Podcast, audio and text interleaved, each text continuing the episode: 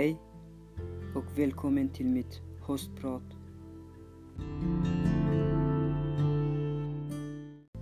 Jag minns inte riktigt när det var. Jag kommer inte ihåg något datum eller något klockslag. Jag minns bara någon gång mellan slutet av sjuan och början av åttan. Det var en helt vanlig dag, precis som vilken sommardag som helst. Jag hade somnat alldeles för sent kvällen innan och vaknade runt lunchtid med en kropp tröttare än maratonloppare dagen efter ett lopp. Det hände inte så mycket den dagen, tror jag. Jag minns som sagt inte. Jag satt och tänkte tillbaka till sjuan. Alla gånger jag har känt mig ensam och utanför. Bara för att jag var för blyg. För att fråga om jag fick vara med. Jag började långsamt inse att jag inte riktigt kom någon vart med att bara vara blyg. Jag började inse att jag ville någonting. Jag började inse att någonting behövde bli annorlunda. Jag skulle behöva förändras först innan det här dödläget kunde brytas. Det var pirrigt att börja högstadiet. Så många nya ansikten som jag aldrig sett förut. Blickheten slog till som en blixt inuti mig. Och jag vill bara hem. De första veckorna gick enbart till att prata med kompisarna som jag kände tidigare. En dag efter en helt vanlig idrottslektion hade jag fotbollsmatch mot AIK.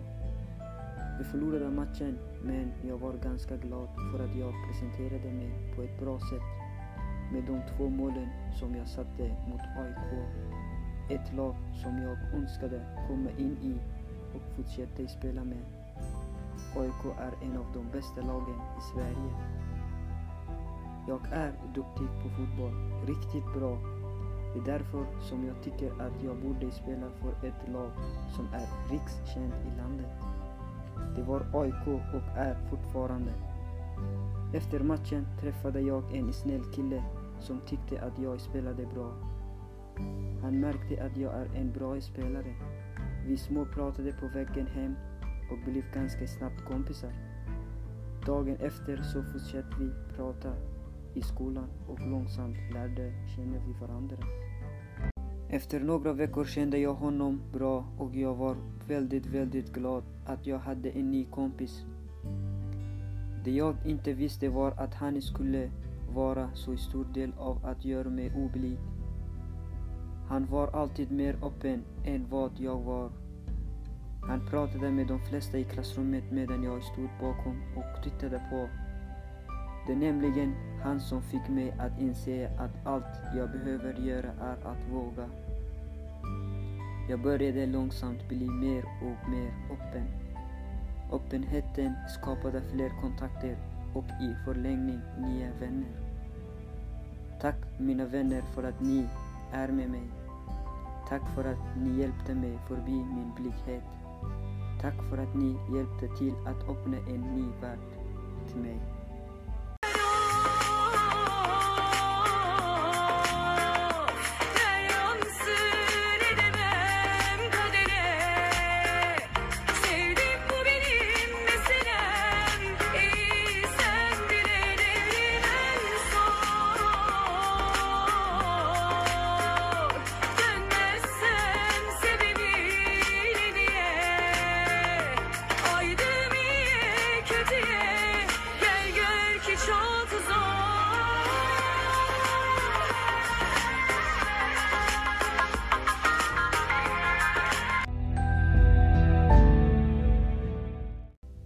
Har ett motto.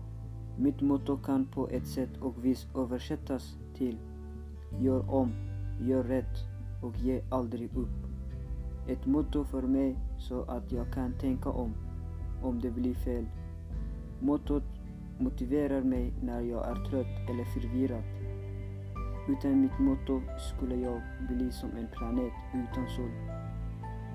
Utan mitt motto skulle ingenting fungera. Motorn slår mig i ansiktet när jag är lat och slår mig ändå hårdare när jag ger upp. Det säger till mig, arbeta din latmask. Drömmer du får du jobba för det. Om du tror att drömmar är gratis, då tror du fel. Dina drömmar finns där ute och allt du behöver göra är att resa på dig och jaga dem. Bara för att du jagar drömmen behöver inte betyda att du lätt fångar den.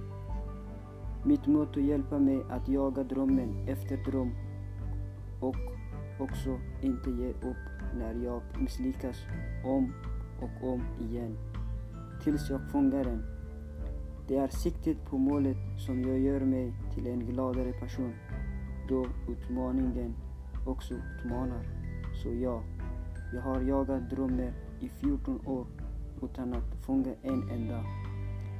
Men en sak vet jag, jag kommer att fånga den en dag. Jag har inte någon eller något i mitt liv som jag behöver. Jag har några, några människor som är speciella just för mig och de är människorna betyder allt för mig. Det går inte en enda dag utan att mina vänner förbättrar dagen. De peppar mig när jag mår dåligt. De hjälper mig upp när jag faller ner. Jag pratar om mina vänner som jag uppskattar så mycket. Då menar jag inte en kompis man träffar då och då utan att riktigt kunna lita på. Utan riktiga vänner. Vänner som jag litar på. Vänner som jag utan problem skulle kunna lägga mitt eget liv i deras händer och veta att de inte skulle göra mig besviken. Vänner som jag älskar dem.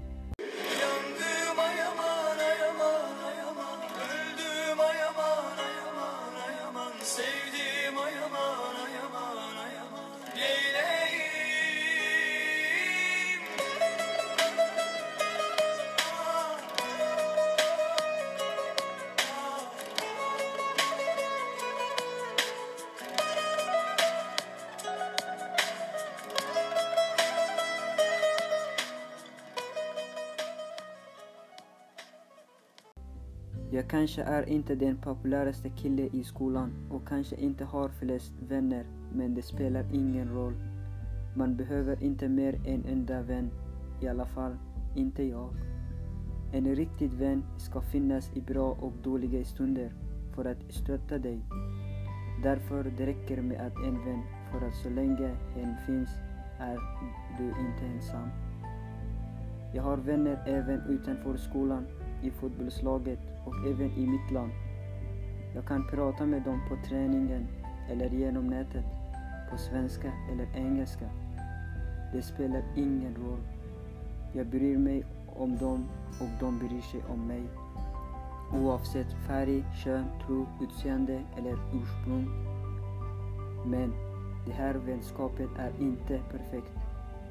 De är väldigt långt ifrån varandra och långa loppet är det svårt att vara riktigt goda vänner på distans.